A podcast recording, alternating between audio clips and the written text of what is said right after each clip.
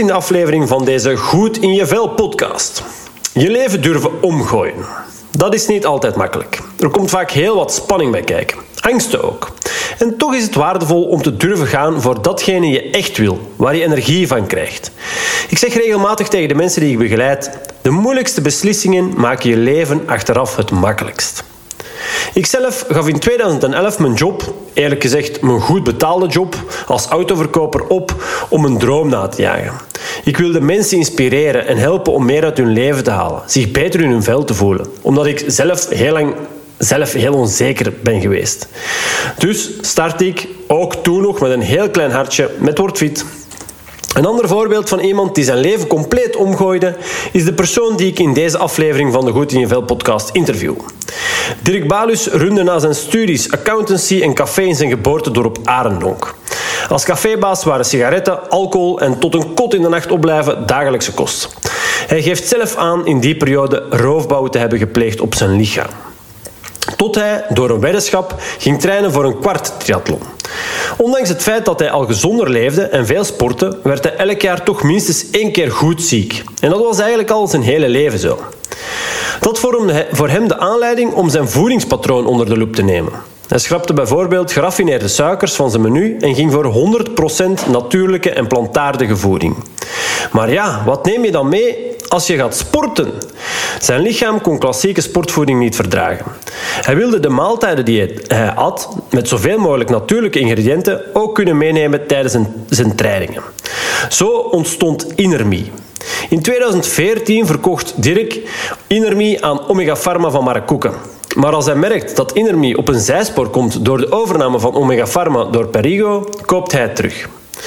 Kortom, Dirk zijn verhaal is echt mega inspirerend. Niet voor niets schreef hij ook al drie boeken: Pure Kracht, Op weg naar balans en het praktische kookboek De basis van natuurlijke voeding. En goed nieuws: ik mag een boek en enkele testpakketten met de producten van Inermi wegschenken onder de luisteraars van deze podcast. Heb jij hier interesse in? Laat dan even je gegevens achter op wordfit.be-dirk. Voor nu zou ik zeggen, gun jezelf een momentje, neem even de tijd om dit interview te beluisteren en laat je inspireren door Dirk Balus. Dirk, ja, allereerst hartelijk bedankt om even tijd voor mij vrij te maken. Uh, Dag gedaan. Even vooruitspoelen om te kunnen terugkijken. Uh, stel, jij ligt op je sterfbed. Hopelijk mag je dat moment nog lang wegblijven, maar welke dingen zou jij je dan vooral willen herinneren? Uh, oei, dat is, dat is, een vraag die ik nog nooit gehoord heb, denk ik. Ja, misschien ooit wel eens voor mezelf gesteld, maar... ja? Eh, welke dingen die ik me zou willen herinneren? Ja, alles wat ik doe en wat ik nu aan het doen ben of wat ik gedaan heb. Ehm, en dat is? ja, ik bedoel, mijn gezin geeft me, ben ik heel blij mee. Geniet ik elke dag van, hè, van mijn vrouw en kinderen.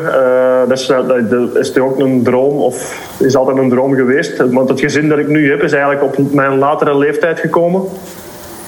Dus uh, ja, vanaf ik ongeveer, uh, hoe oud was ik toen? Uh, eh, 36 of zo. Daarvoor heb ik me eigenlijk altijd heel hard gefocust op de sport. Hè. Vandaar dat het gezin misschien niet kwam. En, maar daar heb ik ook alleen maar heel goede herinneringen aan. Het zijn echt tientallen schitterende herinneringen. Of ja, ehm, ja. Dus ik, ik, ik heb heel veel goede herinneringen, denk ik. Dus, ja. ja en, en het gezien dan, dus je hebt, uh, ja, ik, ik, stel voor dat ik misschien eerst even begin met, met de vraag te stellen voor degenen die jou niet kennen. Ehm, wie is Dirk Balus? Dat is wel interessant voor velen om daar even misschien op in te gaan. Ja, ehm, ik ben ehm, uh, ex-triatleet. Ik zal, zal daarmee beginnen. Ik ben uh, triathlon beginnen doen op mijn... Uh, hoe oud was ik toen? 26 jaar. 5, 25, 26 jaar. En nu ben ik 41. Hè. Dus ik heb 15 jaar triathlon gedaan op een hoger niveau. Ik heb er, om te zeggen, ik heb er eigenlijk alles voor gedaan om de beste resultaten te behalen.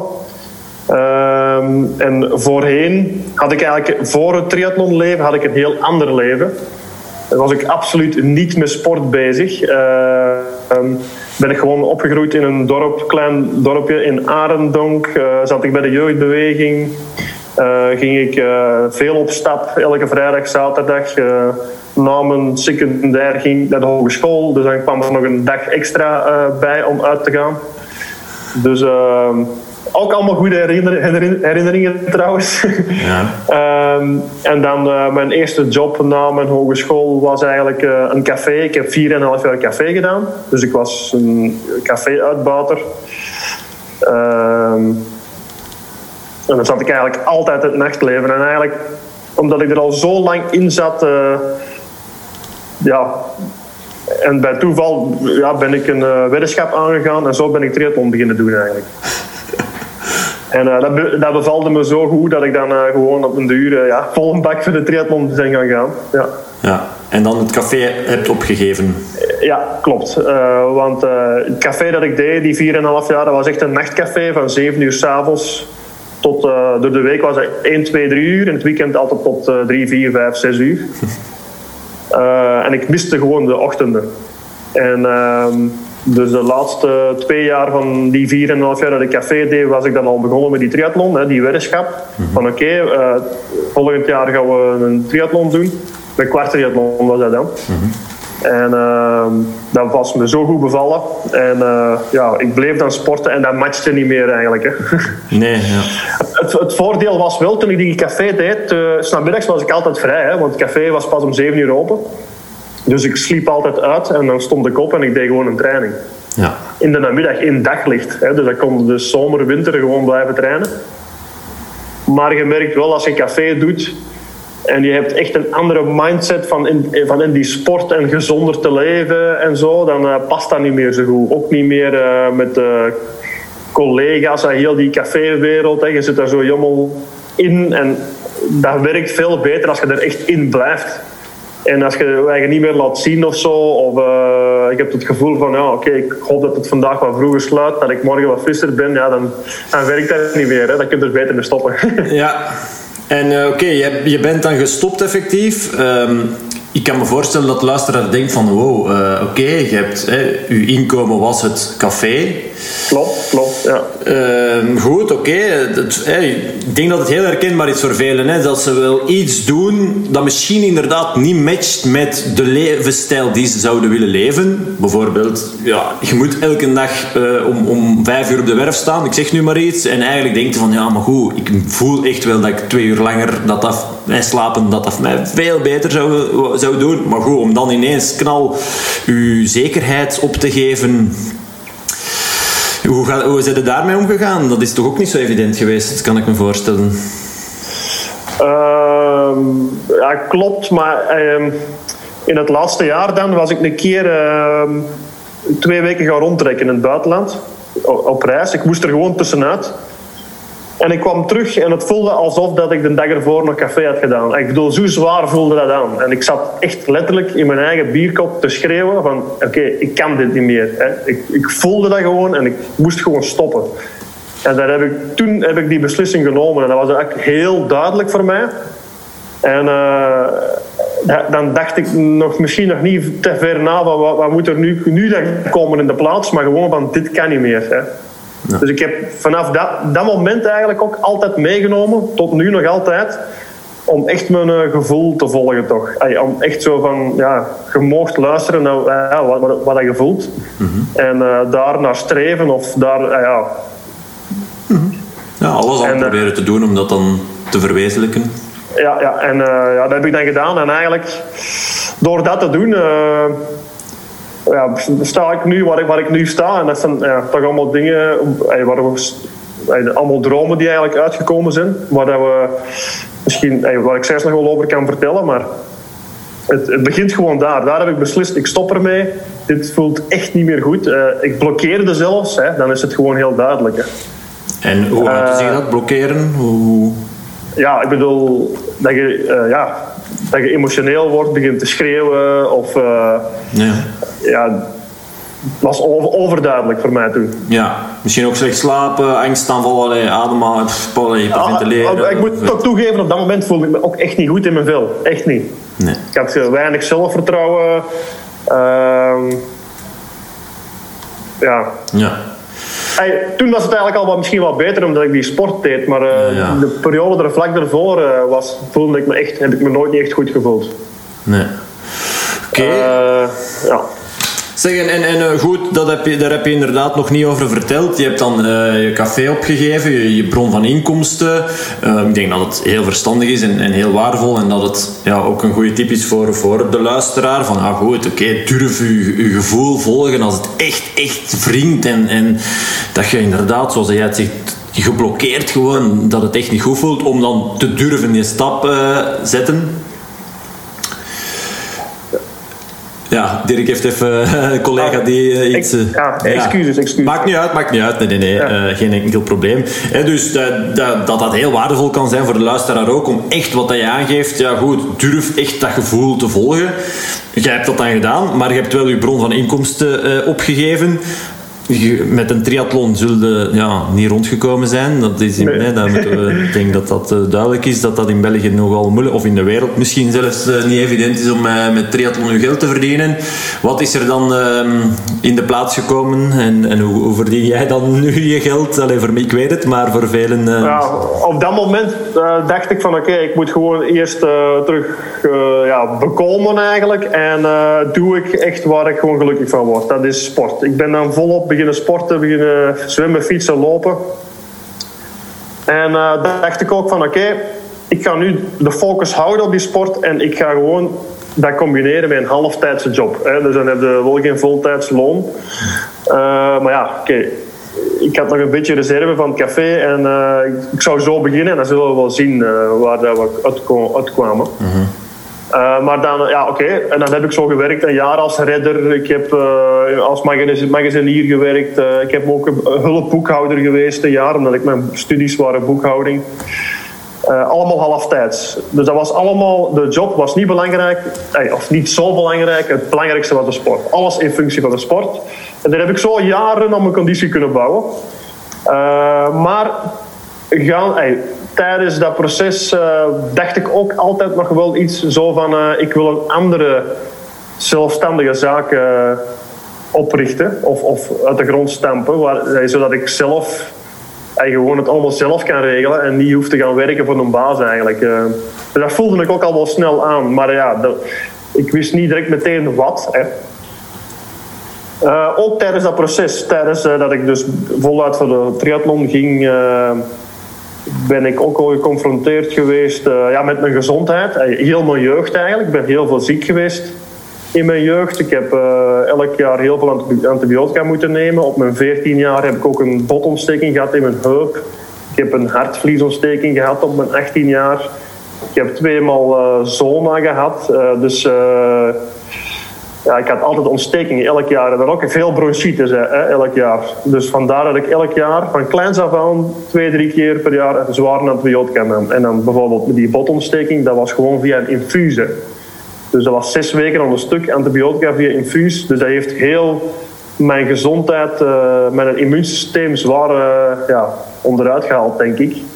En uh, elk, ja, ook, dus die periode dat ik op café deed of zo, elk jaar was ik wel keren ziek. Hè.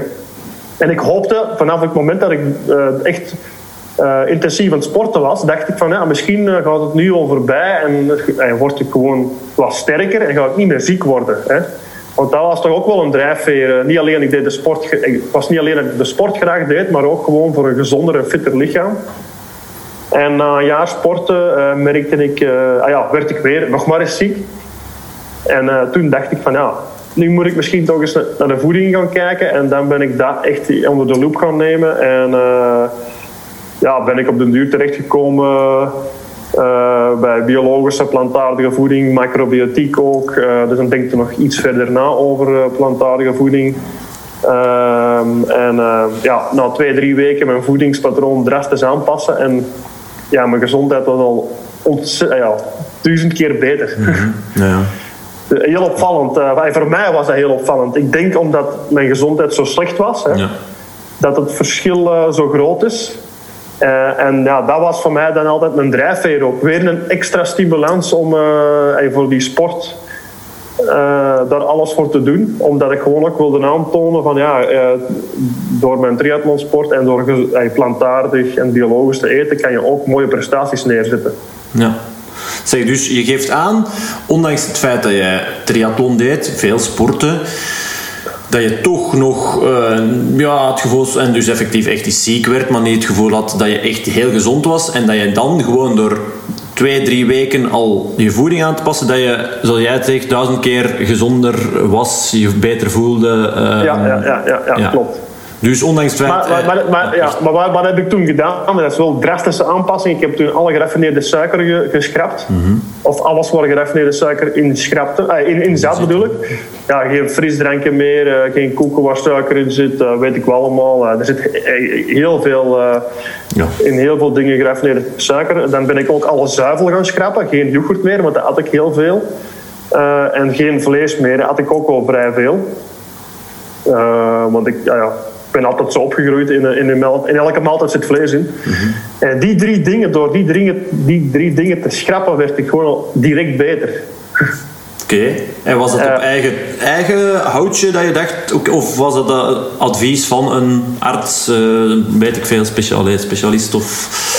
Ja, nee, ik ben dan uh, en een boek beginnen lezen over macrobiotiek. Ja, oké. Ja. En uh, ja, dus daar wordt dan ook in. En dan heb ik daarna nog wel eens uh, iemand gezien ook, uh, die er ook adviezen over gaf. en daar ben ik ook lessen gaan volgen daarin. En ja. Ja, ja. En, en dan in de plaats kwamen natuurlijk allemaal vers gekookte voedingen, zelfgemaakte maaltijden. Ja. En toen had je geen vrouw, of, of toen, ik weet niet, je geeft aan dat gezien is pas op latere leeftijd gekomen. Was je dan man alleen en, ja, ja, ja, ja en toch zelfgemaakte verse maaltijden? Uh, ja, ja, klopt. Ik, was er, ik heb me eigenlijk volledig volle bak op gestort ook. Uh, was misschien ook te drastisch. Ik zeg niet dat dat de oplossing is. De, ja, ik bedoel, ja, het is wel drastisch inderdaad. Maar het is gewoon, ik was het zo met mijn gezondheid en zoveel ziek te zijn, dat, dat me dat die stimulans gaf om dat op die manier te doen. Uh, vooral de eerste week heb ik heel hard moeten afkicken hè, van de suiker en zo. En uh, hoofdpijn en noem maar op. Maar uh, na twee, drie weken dan werd mijn energiepeil alleen maar beter. En ben ik toch wel ongeveer zo'n dik vijf jaar geen enkele keer meer ziek geweest. Dus voor mij, en geen enkele keer antibiotica moeten nemen. Voor mij was dat gewoon een openbaring. Ja, oké. Dus, ja. dus ja, je geeft aan, er is voor jou een zekere verband geweest. Ik denk dat we inderdaad wel een beetje moeten opletten met het, met het gegeven ehm, dat om dit heiligmakend te, of dit heilig te willen maken en dat tegen iedereen te zeggen stop met alle geraffineerde... Ja, oké, daar valt wel... maar dat is toch wel, we moeten daar wel voorzichtig in zijn, dat, dat, dat niet alle, alle luisteraars nu ineens gaan zeggen, ah, ik stop ook met vlees eten, zuivel en uh, alle suikers schrappen. Ja, ja, ik zou het niet doen uh, op die manier. Ik zou het gewoon uh, eerst misschien e te beginnen met één dag. Hè. Je kunt dat uitbreiden naar twee, drie dagen of meerdere dagen. Of je kunt ook maaltijden vervangen door of eens een keer anders proberen te doen. En dan zou je, eh, is het best dat je dat gewoon ervaart. Hè. Hoe voel ik me dan al zo'n maaltijd? Hè? Hm. Ja. Uh, ja. Ja, na een maaltijd effectief echt ook durven voelen, daar tijd voor nemen. Want goed, meestal is het snel, snel, snel, snel, schrok, schrok, schrok binnen en verder gaan en niet voelen, niet beseffen wat doet datgene wat ik nu heb gegeten. Want het grote, ja, want het grote verschil is ook, uh, vanaf het moment dat ik met die voeding ben begonnen, of echt mee bezig was, dan ben je, dat was het moment dat je, eind, dat je eens voor het eerst nadenkt als je iets eet, wat gebeurt er in je lichaam? Hè? Of, of wat gebeurt een paar uur later? Uh, alle jaren voorheen, hè, als ik bijvoorbeeld een last had van mijn maag, darmen, uh, weet ik wel, want ik had ook heel veel last van mijn darmen eigenlijk. Uh, dan keek je ook nooit niet naar wat ik gegeten heb. Hè. Zou het kunnen zijn dat, van, van wat ik net gegeten heb? Dat, dat dacht je dus niet over na. Hè. Nee. nee, nee. Uh, ik toch niet. En dan, uh, heel veel mensen niet, hè? terwijl het eigenlijk heel logisch is. Maar goed, ook wat ik net aangeef, omdat je zo hard in die malle molen van het leven, die red race, alles moet snel gaan. Ja, we hebben niet echt tijd, of we nemen niet echt tijd om inderdaad eens te voelen, u te, te, te, zetten of te leggen. Of, of, of allee, moet, moet niet per se, maar gewoon te voelen van inderdaad, hetgeen wat ik er straks heb gegeten voel ik mij daardoor beter, slechter, uh, daar, daar een verband tussen leggen. Als je echt gewoon maar aan het gaan bent, ja, dan... Dus vertragen is misschien toch ook wel... Hè, jij hebt dat als atleet, hè, als, als, als extra-atleet toch ook wel. Die rust, naast het heel hard gaan, gaan, gaan trainen, durven vertragen. Ja, zeker. Hoe kijk je daar, uh, hoe heb jij dat uh, ervaren afgelopen jaren en, en misschien nu nog? Want ja, het, ja. Uh, die rust bedoelde jij zo? Je, ja. Ik bedoel, als je een training hebt gedaan, je bent buiten geweest, in het bos gaan lopen of gaan fietsen in de bergen, of, ik bedoel, of, of zelfs of in de campen, in de, op, noem maar op, buiten in de natuur. Ehm, en je komt dan thuis, ja, dan heb je gewoon een voldaan gevoel. Hè. Dan ben je sowieso al relaxter, denk ik. En dan, uh, ja, dan is het gewoon makkelijker om uh, ja, relaxed en uh, daar, ja, ik weet niet, dat is een gevoel, een gevoel van nagenieten, van een voldaan gevoel, zo ja. Ja, en dan inderdaad, oké, goed, in die, vol, in die voldoening dan tijd nemen voor je eten te bereiden. En ja, het is misschien ja. gewoon de complete levensstijl. Durven ja, bewuster dingen kiezen, bewuster vertragen, voelen. Ik denk ja. dat, uh... Natuurlijk zijn er ook dagen bij dat je al direct een andere afspraak hebt. Want als je triathlon doet en je wilt 20, 30 uur per week trainen. Uh, ja, ja, er was ook nog altijd werk, zeg maar iets. Dan, soms is het dan ook wel dat je niet echt tijd hebt, dat je gewoon uit een douche komt, uh, vijf of tien minuten iets uh, in een zak moet steken om eten mee te nemen en je moet al verder of zo. Zeg maar, ja. Dat gebeurt ook natuurlijk. Hè. Ja. En hoe pak, wat, wat neem jij dan effectief als je maar vijf of tien minuten hebt om dan je eten te bereiden? Of, of hoe pak jij dat dan aan? Zit daar dan in de voorbereiding ja, veel? In de eerste plaats, zoals, zoals ik nu leef, probeer ik daar wel uh, minstens een half uur tot drie kwartier uh, tijd voor te nemen. Ik, ik calculeer het in. Uh, ja.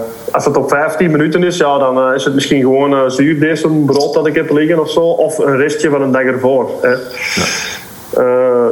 dus in die topsportperiode zal ik maar zeggen. En ook voordat dat het gezin er was. Toen uh, maakte ik gewoon elke avond uh, een uitgebreide maaltijd. Waar ik de dag nadien ook van had. Waar ik altijd rest van had.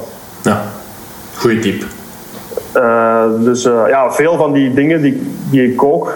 volwaardige granen of bollengerechten. stoofpotten en zo. Met groenten. Dan kan je, ja, daar maak je altijd wat meer van. Kan je makkelijk de dag erna eten. En dat is nog altijd smakelijk. En je kan dat zelfs koud eten. Ja. Ik, ik, herinner mij zo'n zo anekdote, dat ik ook nooit vergeet. Um, ik heb zo'n jaar gewerkt als redder bij Sunparks in Mol. En uh, toen nam ik ook altijd zo'n grote bak uh, mee, overschot van een dag ervoor, met veel groenten, granen, pulvruchten erin, noten, zaden, pitten. Hm. En uh, als, als ik de lange shift had, dat was 10 uur, maar dan had ik één uur pauze. En we zaten daar dan altijd, ja, ik weet niet, met een aantal collega's te, dus schoeft en uh, ja. schoften. En ja. uh, die mannen die hadden zo na 15 minuten gedaan met eten. En die zeiden van, nou, die pauze dat duurt toch veel te lang. Uh, die, die, hadden een, bol, een, mee, dat was direct op. Maar ik, ik nam daar echt... Ik was bijna 40 minuten bezig om te eten. Hè. Dus om die bak gewoon rustig op te eten. Hè. Dus ik, ik, ja, die, die pauze was wel gekomen. En dat was echt wel... ja. maar ja, dus ja. Ja, ja, dus de, ja, heel waardevol denk ik. Hè. Ook om, om rustig te eten, voldoende te kouwen. Uh, ook, ook wat ik daar net al aangaf, hè. de red race en altijd maar snel, snel, snel. En, en ik zeg heel vaak tegen mensen van denk er eens over na.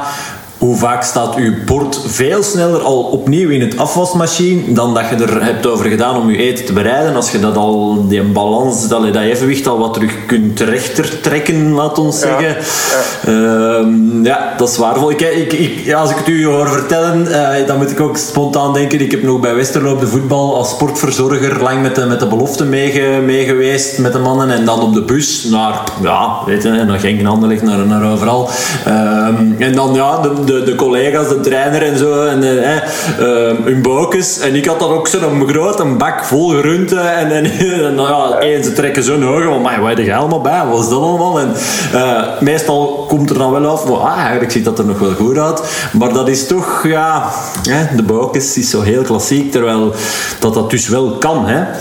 Zelfs, Ja, ja. het kan. Het, hè, ik denk dat het zeker kan om, eh, om te durven ook opteren om een grote bak eh, slaat, ja, dat hij goed af- afslaat, dat er geen, eh, geen lucht aan kan en dat daar gewoon... Ja, zeker.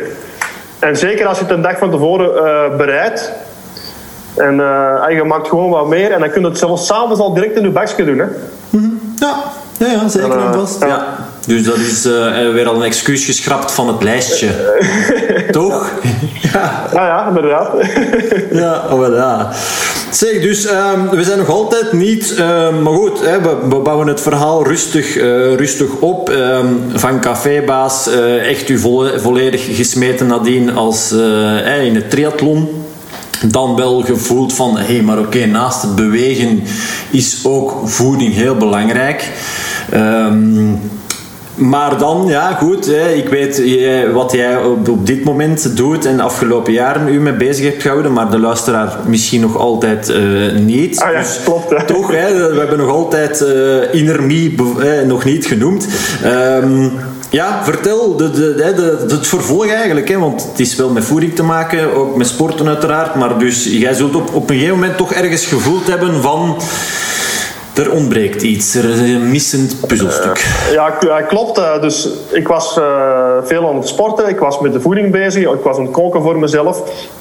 Maar ik dacht ook altijd wel van, ja, wat, moet ik nu meenemen als ik vijf uur op de fiets ben? Hè? Eh, ik kan toch me een maaltijd meenemen of gaan inpakken. Of, eh, ja, ik had zo al een paar kleine dingetjes die ik kon meenemen, was maar niet altijd handig. En zeker niet als je op stage bent en noem maar op. En dan dacht ik van ja, deze gebalanceerde maaltijd die ik voor mij heb, die wil ik gewoon in een, eh, in, in, in, in een soort van reep hebben. Dus dat was het ontstaan van de eerste energy bar van Inner Me. En dus, eh, dus ook het ontstaan van het merk hè, Inner Me. Inner Me, dus inner, innerlijk, me van jezelf. Hè. Dus denk aan je gezondheid van binnen. ehm. en ehm, dat was ja, de- het- idee, dat was in 2009. En dan in 2012 was dan het eerste product op de markt. Dus daar heb ik daar wel eh, twee jaar voor moeten doen, hè. twee jaar en een half. Eh, en met het eerste product, dus drie verschillende energy bars, was dat toen eh, op de markt. Oké, en, en, en, en hoe kan je, daar, kan je daar iets over vertellen? Die weg, hè, die 2,5 jaar, tussen 2009 en 2012, je hebt het idee, goed, die maaltijd die ik vaak eet, wil ik in een reep. Ja, klopt. Dat is, dat is niet evident. Eh, ik heb vooral heel veel inspiratie gehaald toen eh, uit Japan. Want ik ben eh, tien weken in Japan geweest. Waar ik in twee verschillende gezinnen heb gelogeerd. Eh, waarvan negen weken bij één gezin en één week bij het andere gezin. Eh, waar dat ze traditioneel kookten. Hè. Dus traditionele Japanse keuken is echt eh, ja, super gezond. en is gewoon ja, de puur, ja, puurder kun je gewoon niet eten en koken, naar mijn gevoel. En er zit enorm veel wijsheid in, eh, met veel eh, ja, bereidingswijzen, waardoor dat er veel voedingsstoffen in zitten, of nog meer voedingsstoffen in zitten en zo. En daar is zo wat ontstaan gekomen van hoe kan ik deze energy bar opbouwen. Hè? Eh, en dan kon ik dat dus ook maken. Ik bedoel, ben ik in de keuken gaan experimenteren. En dan heb ik dat in de keuken kon ik dat wel maken met mijn handen. Maar dat wil niet zeggen dat je dat op grote schaal in industriëler hè, wel, eh, ook kunt maken. En dat was een heel moeilijk punt. En daarom heeft het zo lang geduurd. Eh, meer dan twee jaar nog geduurd voordat het op de markt was. Maar ik moest ook gewoon eh, op zoek naar een fabrikant eigenlijk. Want ik had niet het gevoel dat ik een fabriek uit de grond eh, wilde stampen om, om het zelf te gaan produceren echt. Eh, ik had eerder toen het gevoel van ik ga mijn verhaal vertellen en ik wil eh, het merk in de wereld zetten, maar ik ga me niet bezighouden met produceren zelf, want dat is toch een vak apart. En toen heb ik daar een bedrijf voor gevonden die dat toen voor mij gedaan hebben. Die, die vonden een geweldige filosofie achter en... zij hadden nog nooit repen gemaakt. Zij maakten en nog steeds vegetarische hamburgers en slaatjes en zo. Eh, La Vie Belle in eh, Brugge, nee, in, in Oostkamp. Ja. Dus die hebben daarmee begonnen. Ehm, en ja, dan bleek ook dat het niet evident is. Ze hebben er ook echt heel lang naar moeten zoeken eer dat het eh, kon. Eh, dus 2,5 jaar. En dan vanaf toen was het eerste, de eerste reep op de markt. Maar dan nog is dat blijven... bleef dat evolueren. Hè. Ja, ja, tuurlijk. Ehm, maar in ieder geval, ik had mijn reep met, uh, uh, waar alle ingrediënten in zitten van een gebalanceerde maaltijd. Zoals granen, hè, voor, uh, die, die, die, leveren koolhydraten, energie. Peulvruchten, dat zijn de eiwitten. Ehm, vitamine, mineralen van de groenten, dat was moeilijk. Dan had ik daardoor is er zeewier, zit er een klein beetje zeewierpoeder, dat zijn extra mineralen. En dan uh, ook nog uh, zaadjes hè, voor goede vette vezels, uh, sesamzaad en zeezout en een aantal kruiden. De, dus het is eigenlijk heel simpele, basic recepten. Ja. Maar dan, goed, de, de smaak bijvoorbeeld. Want ik, ik kan me voorstellen dat de luisteraar denkt... Amai, een reep met zeewier en zaadjes en vezels en groenten en wow. En, en, en um, dat is toch ook nog wel een heel proces? Of, of is dat voor jou dan van onder, ondergeschikt belang? Zeker in het begin misschien kan me voorstellen... Als je dan al zoveel jaar ermee bezig bent... Dat dat dan een ding wordt dat belangrijk, hè, dat dan gaat meespelen. Je zegt, oké, het moet ook wel lekker smaken. Maar misschien was het in het begin gewoon, ik wil een simpele reep waar alles in zit, dat dat dan goed smaakt, is dan misschien nog niet zo belangrijk. Ik weet het. Ja, klopt, in het begin was dat zo. Was het eerder van, oké, we willen gewoon dat alles erin zit. Hè? En de smaak was uh, nog niet het belangrijkste en was misschien ook nog niet heel toegankelijk toen. Hè? Dus dat was echt zo. Maar ondanks dat het eigenlijk geen toegankelijke reep was, uh, werden er toch heel veel mensen enthousiast van en werden er heel veel mensen blij van en uh, ja, werd toch heel veel gevraagd. ja. En ik denk dat ik daarmee echt zo uh, het, merk Indermie heb kunnen zetten eigenlijk door kwaliteit, ja. kwaliteit van de ingrediënten. Ja. Uh, eerder, eerder dan echt te focussen op uh, smaak en op uh, waar dat mensen verslaafd aan geraken, of, of hoe moet ik het zeggen? Mm. Hè? Ik bedoel, dat is nu het verkeerde woord misschien, maar je weet wat ik bedoel. Um, en ja. En ja, ik bedoel, ik, ik begon daarmee en het tweede jaar verdubbelde ik al en het derde jaar ging ik nog eens een keer ja, 50% groeien. Met die repen, hè ondertussen zijn we, zijn we nu toch al eh, negen jaar verder. Mhm. En uh, diezelfde repen zijn er nog altijd, maar die zijn wel heel fel geëvolueerd naar smaak. Ja. Ook. En uh, nu zijn die repen eigenlijk super lekker, heel toegankelijk, dat vindt iedereen. Uh, maar nog altijd met behoud van dezelfde ingrediënten. Ja. Oké, okay, um, 2012, ja, we zijn inderdaad hè, 2021. Um, lange weg ik weet, ik weet ook, ik weet jouw achtergrond wat meer. Dus, dus ehm, je bent dan met drie repen begonnen. Klopt. Hoe, waar staan we nu vandaag, de dag van vandaag? Uh, zijn er nog altijd maar drie repen? Of is het echt ondertussen een uh, uitgebreider aanbod dat jullie hebben? En waarom dan ook? Ja, ja, ja, nu is het een compleet, echt een compleet gamma geworden. Hè. Uh, dus inderdaad begonnen met drie energy bars, maar ik voelde zelf ook als triatleet of als sporter, en je zag dat ook, dan heb je ook nog wel meerdere dingen nodig, zoals sportdrank bijvoorbeeld. Uh, en ehm, ja, ik zag ook dat veel sporters uh, kiezen voor één merk. Hè. En dan uh, wist ik ook van, ah, ik, ik, moet gewoon uitbreiden dat mensen echt voluit voor het merk energie kunnen gaan, of dat die mogelijkheid er is. En dan zo is dat gaandeweg gedurende die negen jaar het uh, gamma gewoon completer geworden. En nu zijn er een 15, 16-tal verschillende producten.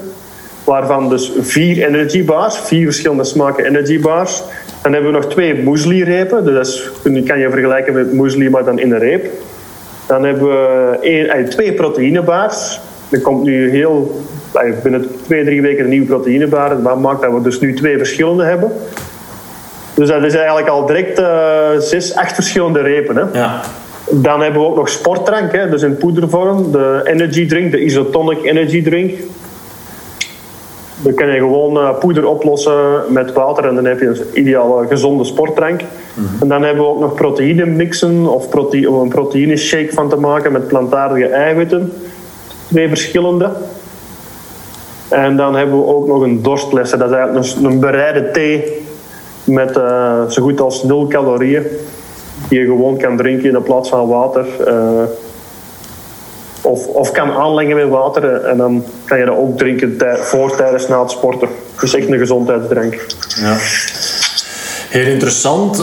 Zeg, is dat dan iets dat je zegt, is dat alleen voor sporters of Nee, um, de gemiddelde Vlaming die wel eens, ja, ik weet het niet, hier en daar is een. Allee, dan, hè, corona, het is allemaal hè, um, anders, maar goed. Eh, of ik ga eens in Turken lopen, ik ga wandelen. Allee, wat, is het, is het ook van, hey, ik, um, ik neem bijvoorbeeld een reep als, echt als maaltijdvervanger? Of, of sta je daar niet echt per se achter? Zeg je van, ja, allee, dat is misschien moeilijk, dubbel. langs de ene kant kan ik me voorstellen dat je zegt, ja, koop maar en eet maar en dan is het goed, dat is goed voor je business. Maar langs de andere kant misschien dat je zegt, ja, maar nee, ga toch maar voor echt een volwaardige maaltijd. En, en ik weet het niet, ja, hoe dat je daarop kijkt. Ja, het is sowieso meer dan alleen voor sporters. Hè. Wij hebben ook veel klanten die het gewoon gebruiken als een gezonde snack of gezonde rustsnack. Bijvoorbeeld onze proteïnebar chocolate. Dat, zou, eh, dat is een gezonde mars, zal ik maar zeggen. Hè. Ja. Dat bevat heel complexe, trage suikers, bevat heel veel vezels, bevat een heel hoog aantal uh, eiwitten. Dus uh, dat geeft dus een ideaal uh, snack voor, voor, voor, iemand die ook gewoon uh, een gezonde levensstijl aan, wilt aanhouden. dus ja, bijna alle producten, behalve dan misschien de energy gels, want dat was ik nog vergeten te zeggen. We hebben ook energy gels. Dat is heel sportgericht, hè. Vloeibare sportvoeding. Dat is echt vloeibare sportvoeding. Dat is echt voor iets makkelijk op te nemen tijdens het lopen of zo, of tijdens het fietsen. Maar al de rest kan je toch ook gewoon gebruiken in een, een gezondere levensstijl. En om het je handiger te maken als je onderweg bent. Of als je aan het werk bent, of als je even geen tijd hebt om te koken of zo. Uh, en om dat dan te nemen in plaats van een, uh, misschien een ongezonder uh, alternatief. Nou. Ja, ja, oké. Uh, en, en, elk product heeft natuurlijk zijn functie. Als je bijvoorbeeld, bijvoorbeeld die muesli-reep, als je die vergelijkt met de energy bar, die muesli-reep bevat veel minder koolhydraten, hè, mm. maar wel uh, meer vezels ook. Uh, ook een, bevat ook eiwit en ook gezonde vetten. Hè. Ja. en een beetje gedroogd fruit. die zal veel minder effect hebben op je bloed, bloedsuikerspiegel dan bijvoorbeeld de energy bars. Die hebben, die hebben meer effect op de bloedsuikerspiegel uh, niet zoals een cola of Red Bull, hè, maar uh, meer langzamer maar he en heel lang. Maar het heeft wel een effect. Ja. Maar daarvoor is het ook een energy bar. Hè. Dat heb je ook nodig tijdens het sporten. Hè. Ja, ja, ja. Dus elk product heeft wel zijn functie. En, ja. Heb je nodig tijdens het sporten, maar niet per se als je een bureaujob hebt en je zit een hele dag neer. dan kan bijvoorbeeld ja, de mueslibar of de proteïnebar um, wel als tussendoortje gebruikt worden. Zeker. Maar niet per se de energiereep. Uh, ja, allee, ja. Ja, het zou wel kunnen, maar misschien dat de mueslireep en de proteïnebar er beter bij past. Ja. ja. Nee, ik zeg, uh, en uh, wat aan mij ook wel heel interessant lijkt om, om daar iets verder op in te gaan. Goed, hè, dus uh, dat proces tussen 2009 en 2012, ehm, je komt met het idee, je zoekt iemand die het voor jou kan gaan maken. Maar die distributie en, en ja, goed, ja, een naam en je hebt dan een, een idee en een producent. Maar goed, hoe gaan we dat in godsnaam aan de man brengen? Dat is toch ook wel een hele uitdaging geweest. Ja, dat is, een, eh, zeker en vast een hele uitdaging. Um, ja, het begint er al mee. In 2010 heb ik een boek geschreven, hè, Pure Kracht noemt dat. Uh, en is in 2011 uitgegeven door de Standaard Uitgeverij. En daardoor heb ik uh, zo met mijn boek wat promotie kunnen maken in uh, natuurlijke winkels en natuurwinkels en, in die, en ook in die blaadjes die daar worden uitgedeeld. En dan kreeg ik een column daar ook in. En dan mocht ik af en toe een tekst schrijven over wat ik in, mijn boek schrijf of over mijn ervaring als triatleet en natuurvoeding. En uh, wat maakt dat, dat ik toch al wat gekender was in de natuurwinkels. En het jaar nadien, in 2012, kom ik daar een ene keer op de proppen met een product. Een biologisch gecertificeerd product. Uh, en, dus ik had toch wel makkelijker toegang tot die natuurwinkels. dus in combinatie met mijn verhaal eigenlijk. Hè. En dan heb ik dan ook één groothandel aangesproken en die hebben toen mijn product gaan verdelen onder alle natuurwinkels in België.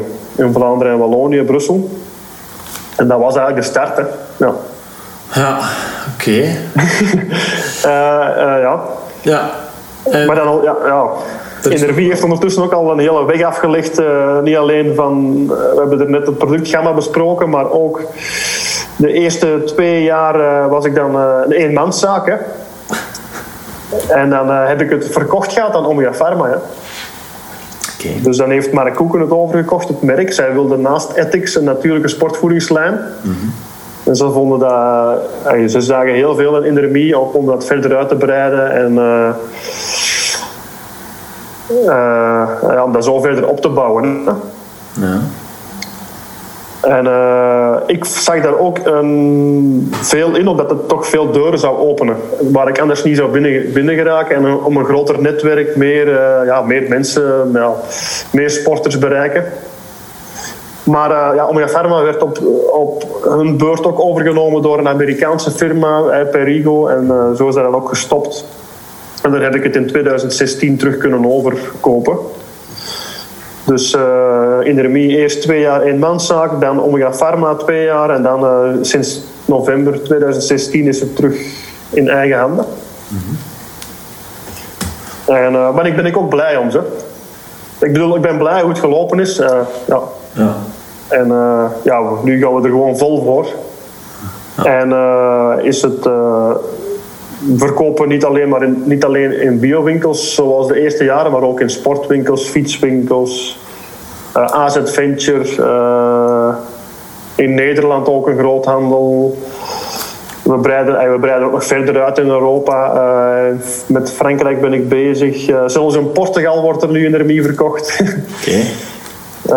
ja. En ook onze webshop uiteraard. Hè. Dus, eh, die in, drie taal, eh, in vier talen is nu, maar kom- volgend jaar komt er nog een taal bij. En ehm, ja, we hebben ook veel ambassadeurs die ook in Eu- Europa komen of eh, mensen kennen in Europa. Dus je ziet nu ook gewoon bestellingen vanuit andere landen dan België en Nederland. Eh, wat dat wel leuk is, in Zwitserland heb ik ook een afnemer, dus dat wordt ook al in de verkocht. Ja, zo, zo, zo breidt zich dat eigenlijk Ja. nog verder uit. Ja. Stap voor stap, in kleine stapjes weliswaar, maar zo blijft het wel een beetje onder controle. En eh, ja, is het toch op een gezonde manier groeien, denk ik. Zeg, ik vind het wel grappig dat je terwijl je aan het vertellen bent ineens beseft, ah ja, ook nog in Portugal en ah ja, ook nog in Zwitserland. Ja, het, wordt, al- het wordt allemaal heel veel. Ik bedoel, ja. Het is, het is allemaal heel veel. Momenteel doe ik alle, de praktische werking eh, altijd eh, alleen eigenlijk, elke dag. Dus eh, ik zit echt ja, te multitasken en ja, vol, ja, vol bak te werken eigenlijk. Ja. Daarmee is er nu bijna geen tijd meer om te sporten. En sport ik nu nog maar vijf uur in de week in plaats van twintig. Ja. Eh, maar ja, het is wel leuk. Ik vind het fantastisch. En eh, het is gewoon mooi om te zien dat het eh, groeit. En het is echt een, een uitdaging. Hè? Dus elke dag spring ik uit mijn bed, omdat ik dat gewoon graag doe. ja. Dat is, dat is een belangrijk gegeven, denk ik. Hè. Dat is toch waar ik ook wel met Word Fit voor sta. Hè. Ik kom dat 's morgens uit de bed met goesting eh, en energie. Ja. Dus, dus het leven vol goesting en energie, waar ik inderdaad eh, ja, in mijn boek behoor, wat, hè, de handleiding voor leven vol goesting. Ik denk dat dat belangrijk is. Hè. Ja. Dat, het, ja, dat jij daar een heel mooi voorbeeld van bent om, om eh, iets te kunnen doen waar dat je gewoon... Ondanks dat je het ongetwijfeld heel druk hebt, maar dat je wel gewoon er zin in hebt. ehm, Ja. ja. Ja, dat is, dat is, ja, dat is een, passie eigenlijk, hè. of een hobby, passie. eh, ja. Neemt niet weg dat er ook heel veel moeilijke momenten, heel veel zware momenten zijn geweest. eh, en dat ik af en toe ook wel eens een slechte dag heb, bijvoorbeeld. Of, dat er, eh, dus, dus, of, of dingen die tegenzitten, een productie die mislukt, noem maar op. een verpakking die, ver- die ze verkeerd gedrukt hebben en die je moet weggooien. En van die dingen allemaal, dat hoort er allemaal bij. Hè. Ja. En hoe ga je daarmee om? Hoe, pak je, dat- allee, hoe ga je daarmee om met zo'n ja, moeilijk moment? Dat je, oh, allee, ga je dan sporten? Is dat dan uw uitlaatklep toch nog altijd? Of zijn Ja, toch wel. Toch wel, zeker. Dat heb ik, eh, heb ik echt wel nodig. Ik, heb nu, ik ben eigenlijk gestopt met triathlon in, in de zomer van 2019. Hè. Toen heb ik mijn laatste volledige triathlon gedaan. Dat was eh, ja, mijn 26e tussen haakjes. Maar, Nee. en, eh, maar ik ben dan gestopt omdat ja, energie aan het groeien was. Maar vooral ook omdat er een baby op komst was. En ik wist van ja, ik, ik leefde al op het randje. Het was eigenlijk al te veel. Het gezin en uh, energie en de sport 20 uur trainen. Dus dat kon ik niet blijven houden. En dan kwam dan een baby, uh, uh, die was in aantocht. Ja, dan ging het niet meer natuurlijk. Dan heb ik beslist, ik stop ermee. Maar dat heb ik wel gevoeld. Maanden daarna, ja, of ik wist dat eigenlijk al vanaf de eerste dag dat ik stopte natuurlijk. Ik kan niet, niks meer doen, dat gaat niet. Hè. Als, je, als je 15 jaar gemiddeld 20 uur per week hebt getraind, dan, dat kun je je lichaam niet aandoen. Ik bedoel, dat, dat is een shock. Hè. Ja. En ik voelde dat ook. Uh, ik, ik, heb echt, uh, mijn lichaam heeft dat echt nodig. En dat is niet, dat is niet alleen mentaal, maar ook fysiek. Uh, je lichaam heeft die beweging nodig, die doorbloeding, die zuurstof van buiten, het groen van buiten, noem maar op. Ja, en dus, dus nu sport je nog altijd zo'n ja, vijf uur gemiddeld per week. Soms is dat drie uur, soms is dat acht uur. Mm-hmm. Afhankelijk van dat ik meer gefietst of gelopen heb. En vooral lopen en fietsen dan. Ja. En ook toen dat, uh, onze dochter geboren was, uh, ja, die, is, die was altijd, of nog altijd wakker om vijf uur zo. En dan sta ik daar ook gewoon op. En dat is het ideale moment om te gaan sporten dan. Ja. Want dan, dan heeft het gezin daar geen, geen, geen hinder van, zal ik maar zeggen. Maar hoe pak je dat dan dochter wakker? Je probeert je vrouw te gunnen dat ze nog in ja. bed mag blijven liggen? Ja, nee, mijn vrouw geeft dan borstvoeding. Hè. Nou, oké, dus ja, ja. ja, ja. Dat is nog, nog steeds zo. Na anderhalf jaar, ah, ja, ja. Uh, bijna 16 maanden, geeft ze, uh, krijgt ze nog altijd borstvoeding. En vandaag was ze om half zes wakker, denk ik. En ik ben dan uh, om zes uur gaan lopen. Zes, vandaag maar zes kilometer, heel relaxed. Maar dan, ja, dat is, dat is gewoon zalig om een dag zo te beginnen. Ja, dus dat, dat is, want dat wou ik inderdaad vragen, hoe, hoe pak je dat dan aan? In, hoe geef je dat invulling? Vijf uur gemiddeld sporten per week. Maar goed, jij neemt al die, die, die, die dingen, hè, die hele praktische werking van Inermie op jou. Hoe, hoe vul je dat dan in? Vooral s morgens? Of? Ja, meestal s morgens, ja. ja. ja. Dus dag ermee beginnen en dan, dan is dat al gebeurd, al gepasseerd en dan... Ja. Ja, maar ik, ja, en ik functioneer, ik ben gewoon, ik, heb, ah ja, ik ben gewoon een echte ochtendmens. Hè. Ja. Uh, dat heb ik dan ook eh, ervaren toen ik café deed. Van ik miste echt de ochtenden. Uh, dat heb ik dan ah ja, echt ook gerealiseerd. Van uh, ochtend, dat is voor mij heilig eigenlijk. En, ehm, ja, en, en ik sta altijd op met uh, heel veel energie. Dus uh, om er uh, gewoon in te vliegen. Voor mij is het een ideaal moment om s morgens te sporten eigenlijk. Ja. In de winter, ja, nu is het wel donker om 5, 6 uur. Hè. Ik vind het wel leuker als het licht is. Dus ik kan blij zijn als het terug de dagen wat langer worden. En dat je ook om 5, 6 uur kan sporten als het licht is. Ja. Ja. Maar ja. Wat houdt u niet tegen? Nee, nee, het houdt me zeker niet tegen, want ja, ik bedoel, er zijn straten, ik bedoel, elke straat is verlicht. Hè. Ja, nee, nee, dat is waar. Ja. Dus het is makkelijk uh, om te lopen buiten. En uh, fietsen, uh, dat, dat doe ik dan op de rollen wel. Ja. Als, ik om, als ik om vijf, zes uur wil fietsen. Hè. Ja. Maar normaal doe ik ook nog één, één rit per week. Bijvoorbeeld zaterdag of zo, twee, drie uur. En dat is dan overdag. Hè. En dat spreekt met wel vrienden af. Mm dus dan is ook nog wat sociaal erbij zo. Ehm, en dan wat krachttraining doe ik ook nog. Hè. Dat doe ik ook bij mij thuis in de garage. Dat is ook s'morgens meestal. ja, en wat doe je dan? Wat, ja, heel veel oefeningen met mijn eigen lichaam. En ik gebruik dikwijls een TRX. Ja. Zo'n ding tegen het plafond. Ja. Met, ja. Zo twee touwen die naar beneden hangen. Ja, ja. over de, ja. ja, en dan, uh, ja, dat is zo echte core trainingen. Ja, ja, dus in C uh, een TRX, ja, voor de mensen inderdaad ja, die het niet weten, maar geïnteresseerd zijn, ja, laat maar van even van u horen, zou ik zeggen. Um, daar kan je inderdaad heel veel nuttige dingen mee doen. Um, maar daarnaast ook gewoon je eigen lichaamsgewicht, toch? Matje, gaan liggen. Uh, dat, ja. ja, ja. En dus, uh, en mijn, favoriete oefening is eigenlijk een atomic push-up, ken je dat? Een atomic push-up? Uh, nee, denk ik. Dat noemen ze zo. Ja. ja ik, heb, ik heb eens gehoord, uh, die oefening moet je 40 keer kunnen bij de Navy SEALs in Amerika. Ja. Moet het minstens kunnen, anders kunnen ze sowieso gebuist. Ja. en uh, dat is... maar, ja, ik heb het van horen zeggen. Ja. dus je moet de pomphouding aannemen en je voeten hangen in de TRX eigenlijk. Hè. Dus die hangen van de grond in die twee losse touwen die aan het plafond hangen. Mm -hmm. hè. Eh, en je moet dus één keer pompen en dan je knieën bijtrekken. Dat is één. Ah ja, oké. Ja, dus pompen, bijtrekken, dat is één. ja, dat Maar je, is, maar je moet, je moet wel eens proberen 40 Ja, ja. keer. Dat is wel, eh, dat is wel pittig, ja. dat, dat is pittig, ja. ja. ja, ja, ja, oké. Eh, En ik kan, me, ik kan me herinneren, toen ik, eh, dus dat ben ik te weten gekomen dankzij een chiropractor waar ik, waar ik wel eens ging. Die liet mij dat doen. Hè? En ik was al, ehm, hoeveel jaar was ik al aan het trainen? Toch al vier jaar, denk ik. Hè? En ik deed al Ironman. Uh-huh. En ik kon dat één keer. Oké. En dat was het. Dat was het, hè. Eén keer. En dan nog, eh, nog niet perfect uitgevoerd. Nee. En dat was dus eh, het, het teken van, ja, mijn core trok op niks. Ik, ik bedoel, dat was echt niets. Nee, nee. Het is gewoon op daarop te werken dat ik toch ook nog wel echt veel progressie heb kunnen maken. Ja, ja. Ja, ik denk dat heel veel mensen, los van het feit dat je nu ehm, ja, sportdoelen en, en triathlon is, is, is redelijk extreem, ik denk dat ik dat wel mag zeggen, maar dat je gewoon daar echt wel... eh, en dan heb je zelfs nog niet per se een TRX nodig, maar ik denk inderdaad ehm je rompstijfheid eh, gaan verstevigen, gaan ver- verhogen, ja, dat, dat, dat, dat we daar allemaal wel... ehm, ja, voordelen uit kunnen halen. Hè. Hoeveel mensen dat Ja, ja. rugpijn hebben, allee, dat, dat heb ik afgelopen jaren ook wel echt. Allee, dat is ja, immens. Hè. Ehm, ja.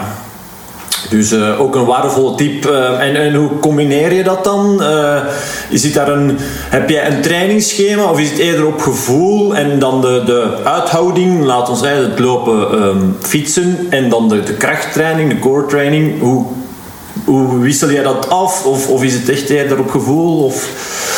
Ja, het is eigenlijk eerder op, op gevoel en hoe het uitkomt. Eh, maar ik heb wel een, een eh, globaler plan, ik, hoe moet ik het zeggen, een, een lange termijn. eh, omdat ik meestal wel een doel stel, toch? Ik heb vorig jaar, dus in 2020, eh, had ik als doel om, om een marathon te lopen. En dan heb ik mijn looptrainingen daar wel naar gericht, naar die marathon zal ik maar zeggen. Eerst heel veel basis, heel, met, eh, heel trage trainingen, weinig intensiteit, met af en toe korte, in, heel intensieve prikkels. Hè. En dan ben ik naarmate dat ik dichter kwam bij de marathon meer van die langere blokken gaan doen. En dan heb ik eh, op einde november op mijn eigen marathon gelopen. Hè. Gewoon thuis vertrokken. Naar de pannenkoekenboot in Dessel gaan lopen en teruggelopen. En dan had ik de marathon. Zalig. Eh, 2 uur 55. Met, met, met training ongeveer 3 à 5 uur per week. Dus beperkte training eigenlijk, maar wel consequent. Hè. Ja. Ja, ja. Eh, dus, dus ik was er eh, heel tevreden over. Echt heel tevreden over. Eh, ook gewoon alleen self-supported. Eh, dus gewoon eh, mijn, mijn Energie sportrank mee en de energy gels van Energie. En eh, ja, perfect te doen. Ja, niemand naast jou met de fiets die dan nog drank Nee, nee. aangaf of toe. Ja, allee. Ik moet wel zeggen, een paar weken voordien had ik dat wel gedaan met, met hulp van eh, mensen die, en, en nog een teammaat ook, eh, om samen een marathon te lopen. En ik, ik had dan een, ja, ik hoorde me een PR verbeteren. Ja.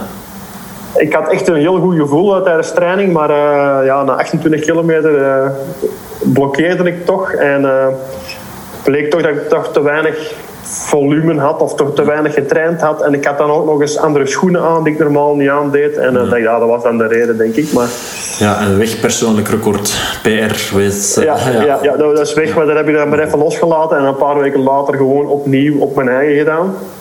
En heel eh, behouden vertrokken en dan zo toch sterk kunnen finishen. En ehm, je, je geeft aan 2,55 voor mensen. ehm, ja, ik, dat, is- dat is immens snel. eh, onder de drie uur, een marathon. Ehm, was dat dan jouw persoonlijke record? Nee, nee, mijn, mijn PR eh, is eh 2,8 ja, 2,47 en 50 seconden. Dus ja, daar heb ik toch 8 minuten trager gelopen. Hè. Ja, oké. Maar dus ja, ehm, voor alle dat, ik weet niet, eh, weet jij, jij kan dat wel willen zeggen waarschijnlijk hoe snel dat je dan loopt gemiddeld? Ongeveer? Eh, ja, 2,48 is 4 minuten de kilometer. Ja, 4 minuten de kilometer, ja. dat is, eh, ja. Eh, dus een paar weken voordien, die 28 kilometer, was perfect op schema, 3,55. Maar ja, dat was dan misschien te hard vertrokken, dat kan ook. Eh, ik bedoel, verschillende factoren denk ik bijeen, maar Dus dat is 15 km per uur, hè, toch? Ja. ja hè. Uh, 15 km per uur. Hè. Dat is ja, dat voor veel mensen 4 minuten per kilometer. Uh, nou, de gewone, de gemiddelde mens die nooit uh, gelopen heeft, of, of allee, ja, die gewoon puur denkt in kilometer per uur. Dat is. Uh, ja, dan, dat is snel, hè? Maar goed, ja, dat, ja, ja. ja, ik bedoel, de, het wereldrecord is twee uur en uh, een paar minuten. Dus dat is, of onder de twee uur zeker zelfs. Tegenwoordig, ja. Ja, ja dat, dat is pas snel, denk ik. Maar, ja, maar in ieder geval, ik ben, er, ik ben er heel tevreden mee, zeker. Ja. Uh, ik doe het ja, in de eerste plaats ook voor mezelf. Uh, ja. Ik bedoel, een uitdaging voor mezelf. en ja, ik bedoel, dat houdt me gewoon gemotiveerd en fit. En ja, ik vind dat gewoon ja, ik vind dat leuk. Dat is zo, ja, misschien nog een iets dat wel uh, blijft hangen zo van die competitie misschien, van de triathlon-competitie, dat ik niet helemaal kan, kan of wil loslaten of zo, ik weet het niet, maar het is wel allemaal veel relaxter, dus... Ja. Dat was zo van, uh, ja, schat, ik ga uh, nu de marathon lopen. Ik ben er drie uur en ik terug. Ja, oké, okay, eigenlijk klaar. En, ja. Zalig, ja. Ja, ja, goed. Ja. Ik denk dat, dat doet het misschien niet deugd dat, het, dat de druk er wat af is. Dat inderdaad, als je echt topsport en de carrière en daar echt. Dan, hoe, hoe heb je dat ervaren? Of heb je dan niet echt last van gehad van de druk op? Uh, ja, ik heb niet echt last gehad van de druk. Het enige wat ik wel last van had was uh, dat ik heel veel uh, tijd en energie, maar ook, en ook geld stak in mijn sport. Hè. Uh, en dat ik dan en daardoor minder tijd overblijft ja, om, om te werken of om uh, geld binnen te brengen. Dus daar zat ik, daar zat ik wel, dat was moeilijk. Dat was heel moeilijk. Dus soms had ik wel eens het gevoel dat ik op de fiets zat van ja, wat zit ik hier te doen? Moet ik eigenlijk niet werken en zorgen dat er geld, meer geld binnenkomt? Zeg maar iets. Maar. Ja.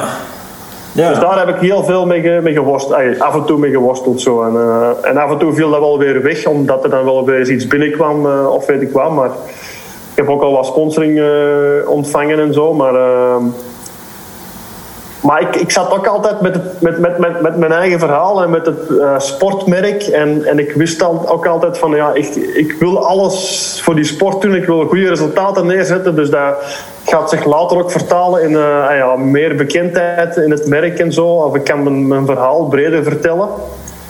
En uh, ik denk toch dat dat de, de, de goede weg is geweest. ja. ja. Dus, maar je hebt wel best ook onzekerheid ervaren. En, hè, want dat klinkt heel mooi. En, en, mensen horen je misschien vertellen van goed overgenomen door, door Omega Pharma in een tijd. Maar toch ook van ja, de strijd van ja, verdienen en, en tijd erin steken. En... Ja, uiteraard. Uh, ja, dat, dat, hoort er gewoon. Soms zo'n momenten horen er ook bij. Hè. Het is ook, uh, waarom heb ik ook uh, een keer het, het, merk verkocht gehad aan, Omega Pharma? Ook omdat ik op dat moment, of de moment vlak daarvoor, het ook moeilijk had, hè, financieel. Ik bedoel, ik was al zeven jaar aan het, aan het, aan het merk aan het werken. Hè. elke dag, dag en nacht, bloed, zweet en tranen.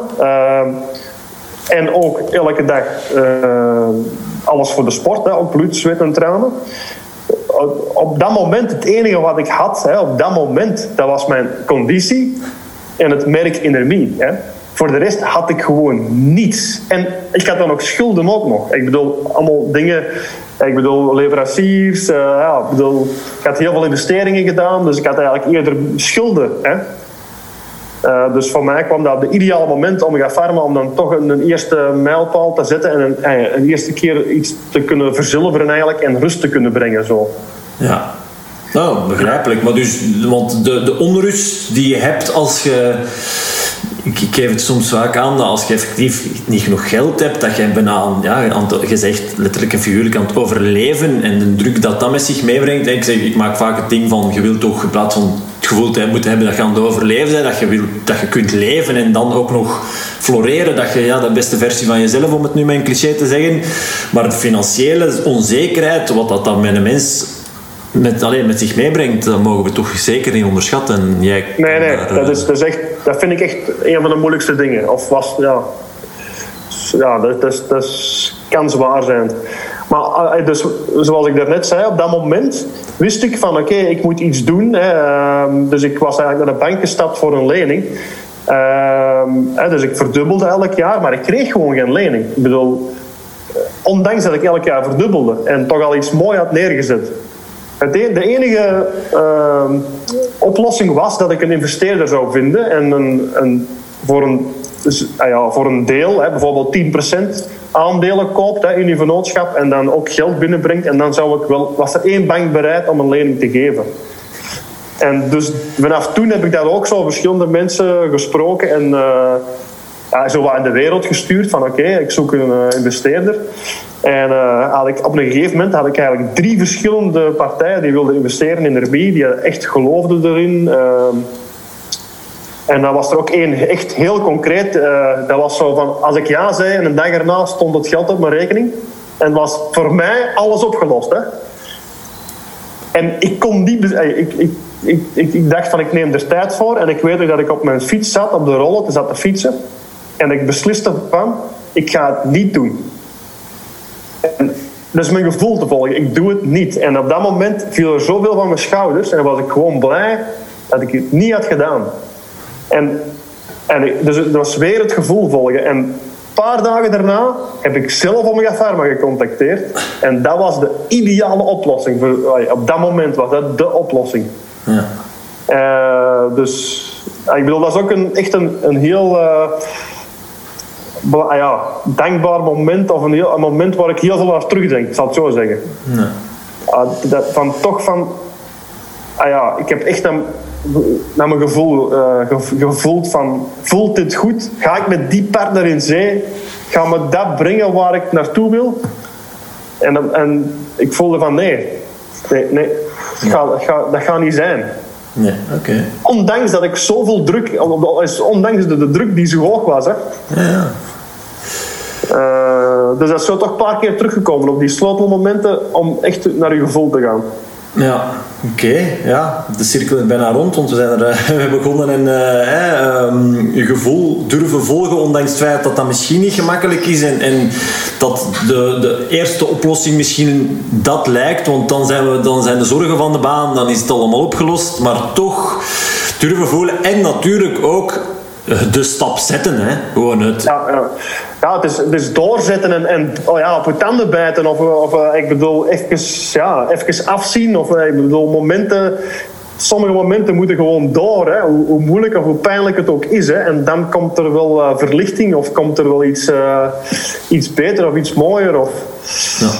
of ja, het is ook een kwestie van hoe dat je ermee omgaat natuurlijk. Hè? Met je moeilijke momenten. Je kan dat ook mee omgaan dat het misschien nog net iets minder zwaar aanvoelt, zal ik maar zeggen. Dat, dat kun je ook wel leren. Hè. Uh, maar, uh, en hoe, hoe, heb je daar een tip uh, dat je zegt, dat heb ik ooit eens ergens op...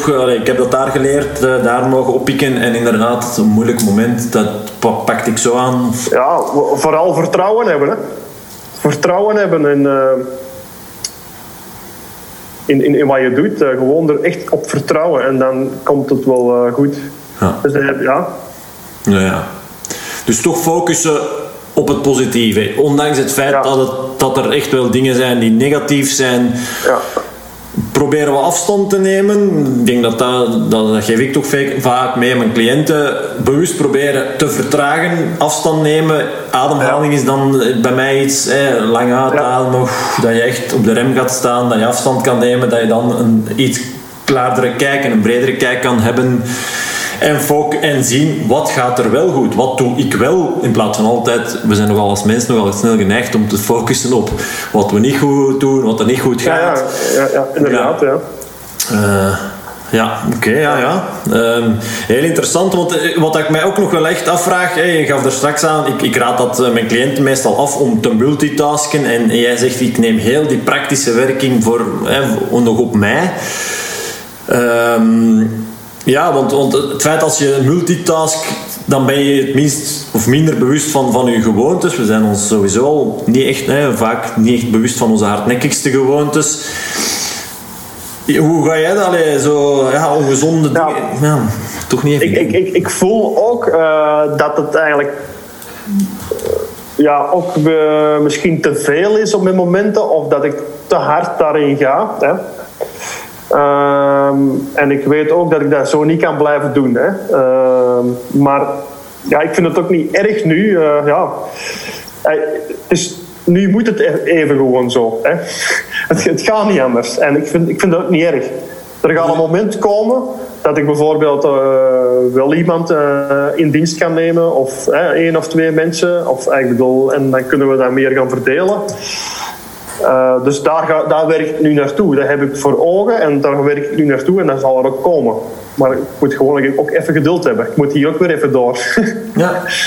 En ik, ik doe dat elke dag met, door positief te zijn eh, en ja, eh, in de mate van het mogelijke. En, en, en toch zeker elke dag van, van een aantal dingen te genieten. Hè. En dus wat maakt dat ik toch altijd dat voldaan en gevoel heb. En ook uitda- en er zijn ook elke dag uitdagingen in, hè, in, in en alles wat ik doe. Bijvoorbeeld Portugal, Zwitserland en zo. En als er dan een keer eh, een bestelling komt, of, dan, dan ja, maakt dat je dag ook goed. Hè. ja. Zeker. Ja. Ja, ehm, Ja. ik wilde nog iets vertellen, maar ik, wacht, ik was, kunnen die, die vraag nog eens herhalen van daarnet? Wacht, hè. Ehm, ik ben het even kwijt. Ja, nee, maar ja, je geeft het denk ik, oh, hoe dat je, hoe dat je Ah, dat van dat multitasken en, en, en die gewoontes, dat je, ja, het feit dat je als je multitast, je het minst bewust bent van je gewoontes en, en dat, hoe dat je daarmee omgaat. En ik vind het al mooi dat je zegt van goed, ik besef dat het niet ideaal is op deze moment. En ik heb een plan of, of een, een- ja, naar de toekomst toe wil ik het gewoon anders gaan aanpakken. Maar goed, geduld. Ja, ja Rome is ook niet op één dag gebouwd, uiteraard. Dus Ja, af en toe, je, kan niet altijd alles direct hebben. Hè. Of ik bedoel, zoals je het wilt. Of, maar je, kan er, je kunt er wel naar streven. En, eh, ja. Want ja, het is naast Enermie heb je natuurlijk ook nog het Enermie Triathlon Team dat ik ook heb opgericht. We hebben 42 leden. Dus daar ben ik ook nog mee bezig. Dan naast het triathlon team eh, heb ik ook nog... Ik bedoel, een, eh, we hebben ook nog een eigen fabriekje gemaakt ook. Hè. Dus daar straks hadden we het erover van oké... ehm, ik wilde geen eigen fabriek uit de grond stampen, maar ondertussen is er die wel. Hè. Wij maken nu onze eigen repen, eh, onze eigen eh, proteïnerepen eigenlijk. De proteinbaas maken we nu zelf. Ehm, dus eh, dat is ook fantastisch. hè. Dat is prachtig om te zien, maar dat doe, dat doe ik niet alleen. Ik doe dat en mijn vrouw werkt eraan mee en nog een partner. Dus zij met twee doen vooral de producties momenteel. En ik heb het mee opgezet en ik, ja, ik run het ook al mee, maar de, ik doe de praktische, de praktische zaken daar niet. Of toch bijna niet. Ja. Maar dat loopt nu ook. En dat is echt ook een meerwaarde voor ons merk, want nu moeten we toch veel minder eh, compromissen maken met, eh, ah ja, met, met andere fabrikanten. We hebben veel meer eh, groter speelveld op vlak van receptuur. Eh, ja, er zijn veel meer mogelijkheden. Hè. Ja, misschien Dus ook grotere marge, dat je minder moet... Allee, want ja, als het iemand anders het maakt, die moeten er Ja. ook voor betaald worden. Als je het zelf kunt maken, ja, ik denk Ja. dat dat eh, in Dat je businessmodel ja, toch wel interessant ja, kan zijn. Hè, ja. Dus, eh, dus dat, ja, dat is nu ook, nu is dat ook aan, aan het rollen. Dus daar heb ik dan daar heb ik ook veel tijd in gestoken het laatste jaar. En ja, dat maakt dat het misschien allemaal wel iets te veel was. Maar ja, het is nu wel. Ja, Er is licht aan het einde van... Of alleen je weet waarom dat je doet. En, en ja, ja, een- ja, ja, ja, ja, ja, ja, ik vind dat het is, het is prachtig. Het geeft me ook energie gewoon, hè, elke dag. ja, ja, voldoening. Hè, ja, ja, ja. Ja, en voldoening, hè, ja. Ja. ja. En dus je, je geeft daaruit aan, ik probeer te genieten. Ik denk dat dat heel, heel belangrijk is in mijn, in mijn boodschap die ik met, naar de mensen toe eh, de wereld probeer in te sturen. Ja, is dat misschien wel het allerbelangrijkste, denk ik.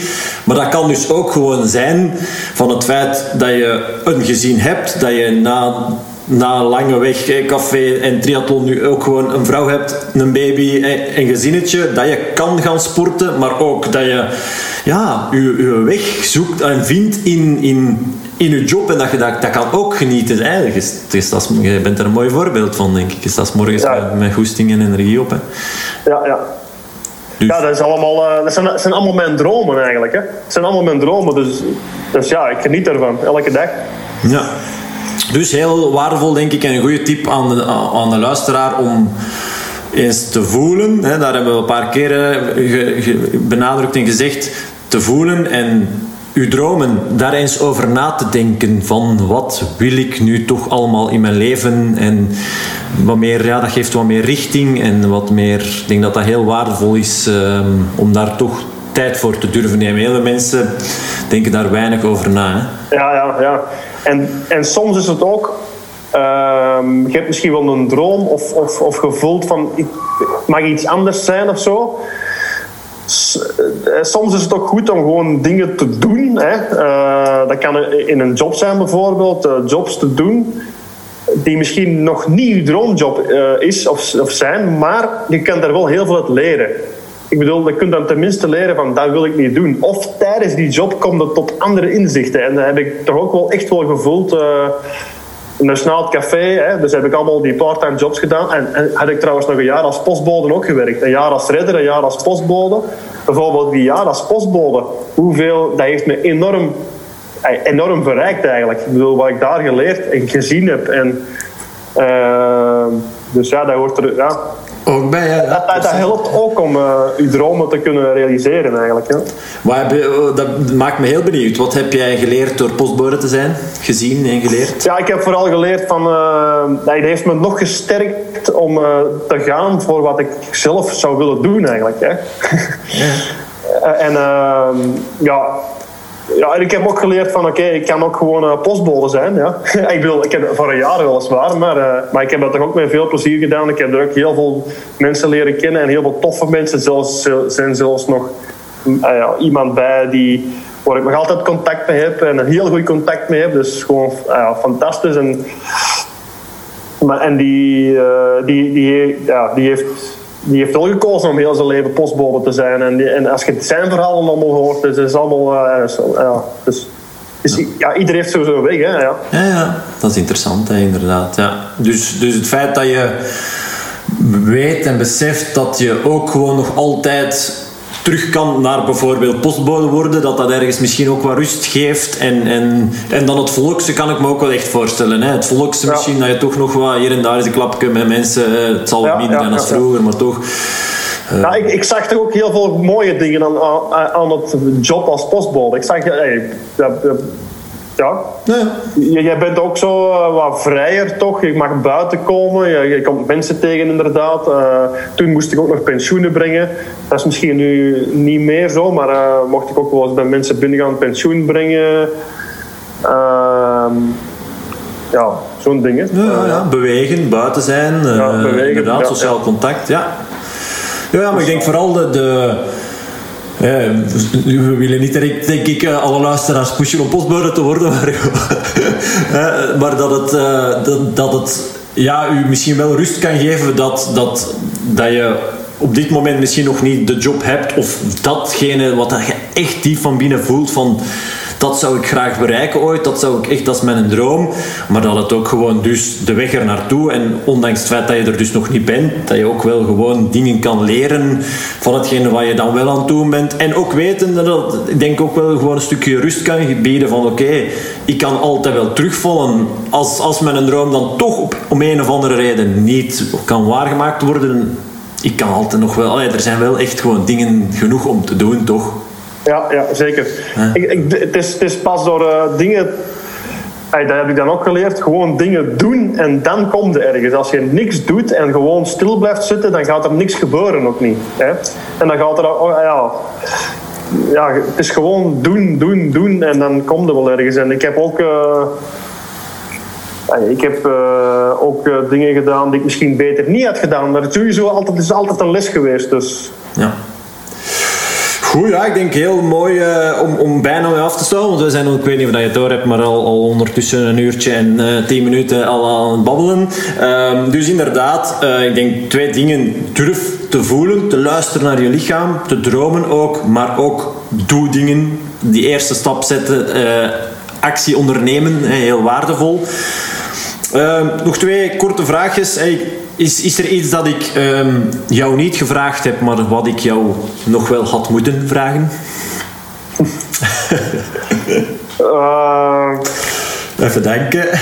Even denken. Ja, we hebben het misschien niet veel gehad over uh, voeding zelf. Hè. Ja. Uh, maar, maar ja, ik bedoel, daar kunnen we ook nog heel lang over spreken. Misschien nog, uh, dat we nog wel eens een tweede interviewtje kunnen inplannen binnen, binnen enkele maanden of zo. Dat we het daar misschien eens kunnen over hebben. Over wat is nu inderdaad goede voeding. En we hebben het stukje kort wel besproken, denk ik. Die, die vezels, natuurlijke dingen. ik denk dat dat ja, goed, ja. dat is ook wel echt iets waar ik achter sta. En probeer zo natuurlijk en onbewerkt mogelijk te eten. Ja, en dan kom je al heel ver, denk ik. ik denk dat je, je kunt dat nog concreter invullen, maar ja, ik bedoel, dat is inderdaad nog eens een uur. Uh, ja. Ja. oh, ja, dus uh, dat had ik jou inderdaad wel nog kunnen vragen. En dan uh, misschien een, een mooi bruggetje naar, naar misschien nog wel een, een, een keer dat we elkaar nog wel eens kunnen spreken voor een, voor een volgend interview. En dan, ik sluit altijd af met, met de vraag te stellen als fit zijn betekent dat je gezond en energiek voelt. Op een schaal van, van 1 tot 100, hoe um, fit voelt uh, Dirk Balus zich dan op dit moment?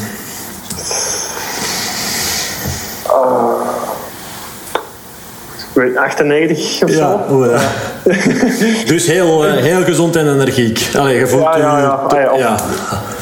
Dagen bij 100 op 100. Uh, er zijn gewoon soms mindere dagen bij, maar dan, dan, moet ik meer eerder herstellen van dat ik misschien te hard gewerkt heb of uh, ja, zoiets. Ja.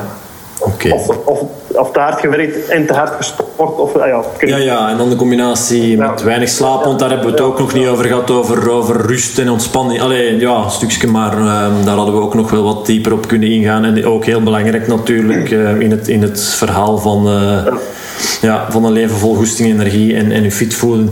Nee, goed. Um, ja, het was interessant, het was leuk. Um, ja, hartelijk bedankt in ieder geval voor, uw, voor uw tijd. En, um... ja, heel graag gedaan. Bedankt voor de uitnodiging. Ik vond het ook heel, heel uh, gezellig en babbel. Ja, wel. Goed. Uh, en misschien tot, uh, tot een volgend interview in de toekomst. Ja, ja oké. Okay, dankjewel. Ziezo, hopelijk vond jij Dirks verhaal net zo inspirerend als ik het vond. Zoals in de intro al aangegeven, mag ik een boek van Dirk en enkele testpakketten van Innerme met onder andere lekkere, licht verteerbare energierepen voor tijdens het sporten of als tussendoortje wegschenken onder de luisteraars van deze Goed in je Vel podcast. Laat hiervoor maar even van je horen op wordfit.be schuine streep Dirk. Wil je trouwens automatisch een melding krijgen als ik een nieuwe aflevering van deze podcast upload? Abonneer je dan even, mocht je dat nog niet gedaan hebben, op dit podcastkanaal. In de volgende aflevering interview ik Jess Donkers. Die ken je misschien vooral van de showbiz. Maar ze is zoveel meer. Ze studeert in eerste instantie toegepaste psychologie en blijft zich tot op de dag van vandaag bijscholen. Ze is aan de slag als relatie-, stress- en burn-out coach. En ze gelooft niet in oppervlakkige pleisters, maar in dieper durven graven. Op zoek naar de oorzaak, oorzaken van de wondes als recept voor succesvolle zelfontwikkeling. Ook dat werd weer al een heel interessant interview. Voor nu zou ik zeggen, bedankt om te luisteren. Vergeet vooral niet te genieten en tot de volgende. Bye!